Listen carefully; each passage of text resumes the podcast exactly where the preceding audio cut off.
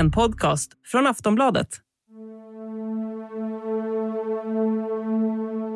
Vi får aldrig låta det hända igen. Ja, så sa man efter både Förintelsen och Balkankriget. Men de senaste bilderna från Butja i Ukraina vittnar om att det är precis det som händer. Att vi låter det hända igen i Europa 2022. Russian forces are being accused of committing mass atrocities before retreating from areas near the Ukrainian capital, Kiev. Footage of scores of dead civilians in the streets of Bucha, some bound and shot at close range, have sparked outrage. Several EU countries are pushing for tougher sanctions against Russia, with some leaders calling the killings war crimes. Efter att de ryska styrkorna lämnat Butja så vågade befolkningen i staden se ut på gatorna igen. De möttes av hundratals döda kroppar på gatorna. Civila som skjutits när de försökt fly undan ryska soldater. Vissa fortfarande med matkassar i händerna, andra med bakbundna händer. Man har också funnit massgravar i staden. Bilderna över massakern och förödelsen har spridits över världen och världens ledare har återigen fördömt kriget i Ukraina och vi hör ord som krigsbrott, folkmord och att det påminner om Europas allra mörkaste historia. Man kräver mer sanktioner och att en internationell undersökning genomförs. Ryssland å sin sida hävdar att det är skådespelare som syns på bilderna från Butja. Men vad kan komma att hända efter allt det här? Hur länge kan världen se på utan att agera ännu mer? För de sanktioner som införts mot Ryssland hittills påverkar uppenbarligen inte president Putin tillräckligt för att stoppa kriget.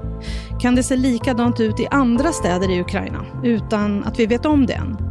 Kan man redan nu hävda att Ryssland gjort sig skyldiga till krigsbrott? Och vem är då ansvarig för att ställa dem till svars? Och kan den senaste tidens utveckling bli en så kallad game changer för kriget? Det här det pratar vi om i dagens Aftonbladet Daily. Jag heter Jenny Ågren. Då säger jag hej till Staffan Lindberg, reporter på Aftonbladet. Hej. Välkommen till Daily. Tack. Staffan, i helgen så möttes ju vi av fasansfulla bilder från staden Butja i Ukraina. Vad vet man om vad som egentligen har hänt? Ja, det man kan se är att det är en, många, många människor som har skjutits ihjäl. Vissa tycks ha skjutits ihjäl i all hast, civila på sina cyklar. Cyklarna har fallit omkull och de, och de har ramlat över cyklarna. Eh, andra har avrättats, man kan se att de är fastbundna, de har skjutits på nära håll. Eh, det är en massa döda människor och det som förenar dem är att, att de av allt att döma är civila, helt vanliga människor som, som förefaller ha dödats eh, av den ryska invasionsarmén. Kan liknande saker ha hänt i andra städer i Ukraina som vi ännu inte vet om? Ja, tyvärr måste man ju frukta att det verkligen är så, för det finns många städer som, där det har varit hårda strider i andra delar av Ukraina, som där det är hårda strider, där, som fortfarande är under rysk kontroll, eller där man åtminstone inte har kunnat nå fram med oberoende journalister och så. Så att eh, med stor sannolikhet så kan liknande saker ha begåtts. Det, det första man tänker på tror jag är väl staden Mariupol som är en mycket, mycket större stad eh, än Butja och mycket, mycket mer folk och där tror jag man kommer se snarlika scener, fast ännu mycket värre den dag som, som det verkligen går att ta sig in där. Men, men det finns också en massa andra platser och mindre orter där det varit hårda strider där, där man kan ha skäl och, och, och, och frukta att många, många civila har dödats också. Mm. Har Ryssland gjort sig skyldiga till krigsbrott här? Kan man avgöra det redan nu? Det finns ju, det finns ju en sorts, vad kan man säga, vi som betraktar det här skeendet, för det, det är lätt att säga, det är klart att det här är krigsbrott. Jag menar, de har skjutit civila människor, men, men det är klart att sen finns det en, en juridisk eh, väg, en juridisk definition av det och då ska det såklart eh, skötas i en viss ordning, steg för steg, så ska man då utreda eh, vilken brott som har begåtts, vem som har begått och så vidare. Men, men så att man får lite skilja mellan, vad ska man säga, vad vi säger, vad gemene man kallar krigsbrott och, och vad i den juridiska termen, men, men med stor sannolikhet så, så handlar det även om, om juridiska krigsbrott här. Mm. Och om det visar sig att det nu är så, vad måste omvärlden göra? Det första omvärlden måste göra nu eh, är att försöka samla bevis och, och den här bilderna som har kommit ut, de här fasansfulla bilderna som vi har sett, är ju jätteviktiga bevis. Eh, men det finns även andra bevis. Ta reda på vilka är det som ligger döda där, hur länge har de varit döda, eh, på vilket sätt har de dödats Och, och sen, så, sen så gäller det att, att, att omvärlden, både Ukraina men också, finns ju en, en eh, internationell tribunal i Haag, ICC, som ska utreda den här typen av, av, av krigsbrott. Eh, att de måste börja titta på exakt vad som hänt och, och när man väl då har kunnat konstatera av vilka som är döda och på vilket sätt de har dödats så handlar det om vilka i sin tur är det som har dödat dem. Är det vanliga soldater? Ja, men vilka i sådana fall gett dem order? Och om det då är deras befäl som gett dem order att göra det här, eh, varifrån fick de sina order? Så får man följa den här orderkedjan så långt det går för att kunna då peka ut vem som ytterst är ansvarig för de här brotten. Går det att genomföra det här under tiden som kriget pågår? Ja, alltså juridiska processer, vare sig det handlar om, om krigsbrott eller, eller annan mer vanlig brottslighet, tar ju sin tid och de får ha sin gång, men, men det är viktigt att arbetet kommer igång nu så att man kan säkra de bevis som finns där just nu. Eh, det är otroligt viktigt och, och där är man igång redan nu. Aftonbladet Daily är snart tillbaka. Life is made up of many gorgeous moments. Cherish them all, big and small, with Blue Nile. Whether it's for yourself or a loved one, Blue Nile's unrivaled selection of expertly crafted fine jewelry and statement pieces help make all your moments sparkle. Blue Nile's experts are on hand to guide you, and their diamond guarantee ensures you get the highest quality at the best price. Celebrate a life well lived in the most radiant way and save up to 30% at BlueNile.com. That's BlueNile.com.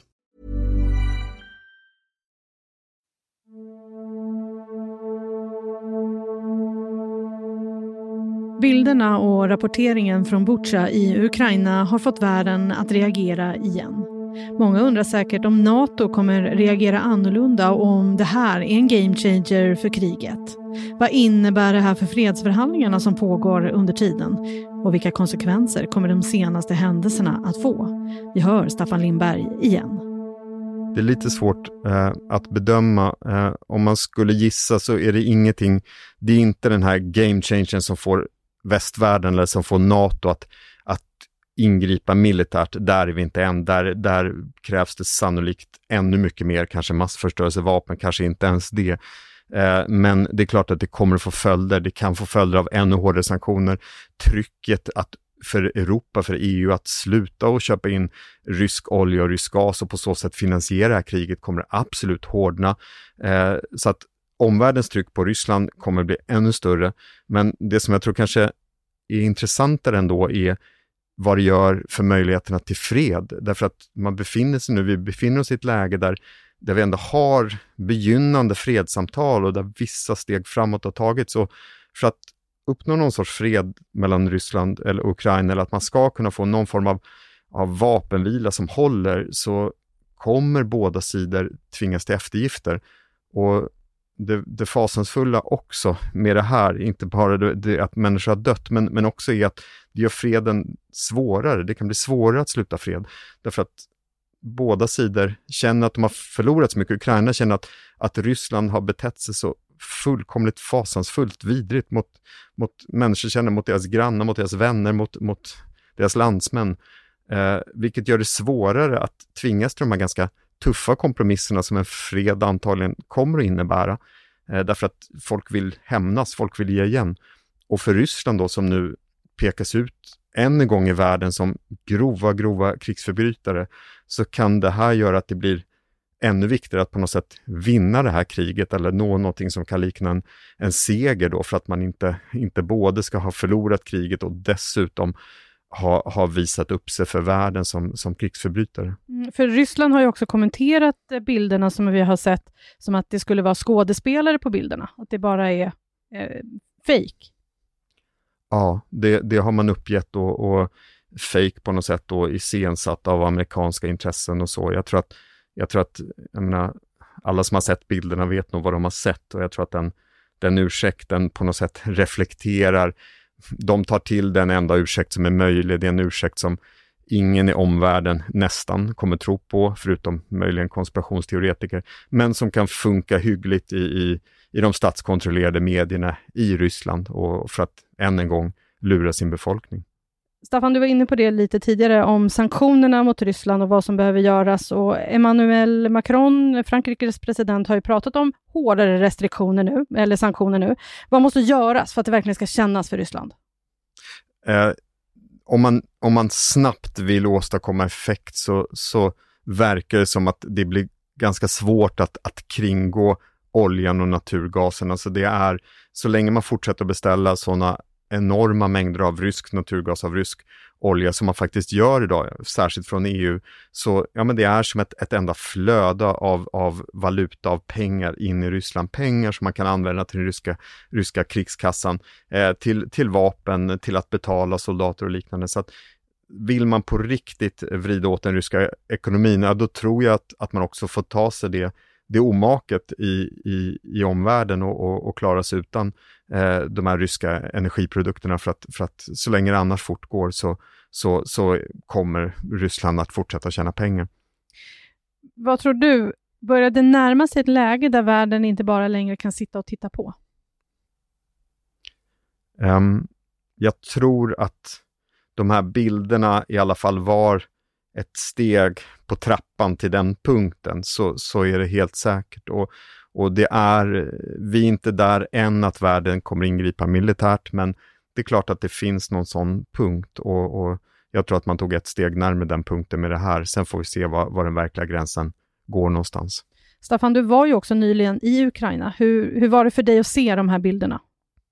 Ja, det är, det är chockerande faktiskt. Eh, vi har varit två gånger i Ukraina och vi var bland annat en resa också precis före kriget bröt ut och då var vi i de här delarna, åkte igenom de här förstäderna till Kiev och, och det är nästan nästan omöjligt att föreställa sig. De här platserna, det var, liksom, det var lugna städer vi åkte igenom, det var, det var lugna gator, träkantade gator med, med skolor och, och restauranger och, och, folk på väg till sina arbeten, eh, barn på väg till förskolor och så. Det, det är nästan otänkbart att, att tänka sig eh, vilken otrolig förändring på bara två månader och vilken fasansfull, fasansfull förändring. Det är som att de här platserna, som de var då, inte längre finns längre. Vad tror du kommer hända nu de närmaste dagarna efter vi har fått sett de här bilderna? Och man, man tror kanske att det här kan trappa upp kriget? Det, det vi tror ska hända är ju att, att Ryssland nu kommer att fokusera om och, och sätta in mer militär i den här östra Ukraina, i Donbassområdet. Så att mycket talar nog för att vi kommer få se en ganska, ganska kraftfulla offensiver där och, och såklart där Ukraina kommer göra otroligt hårt motstånd. Uh, inte minst tror jag att, att varje ukrainsk soldat som befinner sig vid fronten ser de här bilderna i bakhuvudet och, och vet nog vad han och hon har att försvara. Tack för idag Staffan. Tack.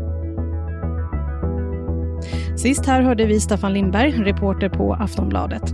Jag heter Jenny Ågren och du har lyssnat på Aftonbladet Daily. Vi hörs snart igen. Hej då!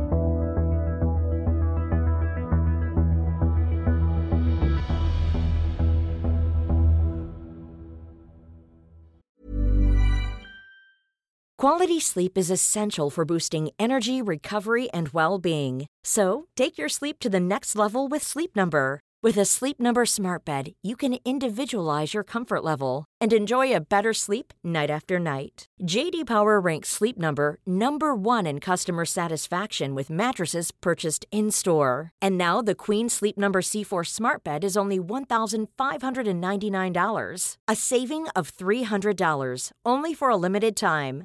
For JD Power 2023 award information, visit jdpower.com/awards. Only at Sleep Number stores or sleepnumber.com.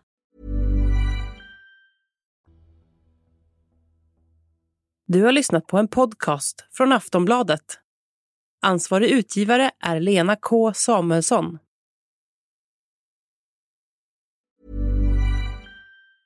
Tired of ads barging into your favorite news podcasts? Good news. Ad-free listening is available on Amazon Music. For all the music plus top podcasts included with your Prime membership. Stay up to date on everything newsworthy by downloading the Amazon Music app for free or go to amazon.com slash news ad free. That's amazon.com slash news ad free to catch up on the latest episodes without the ads.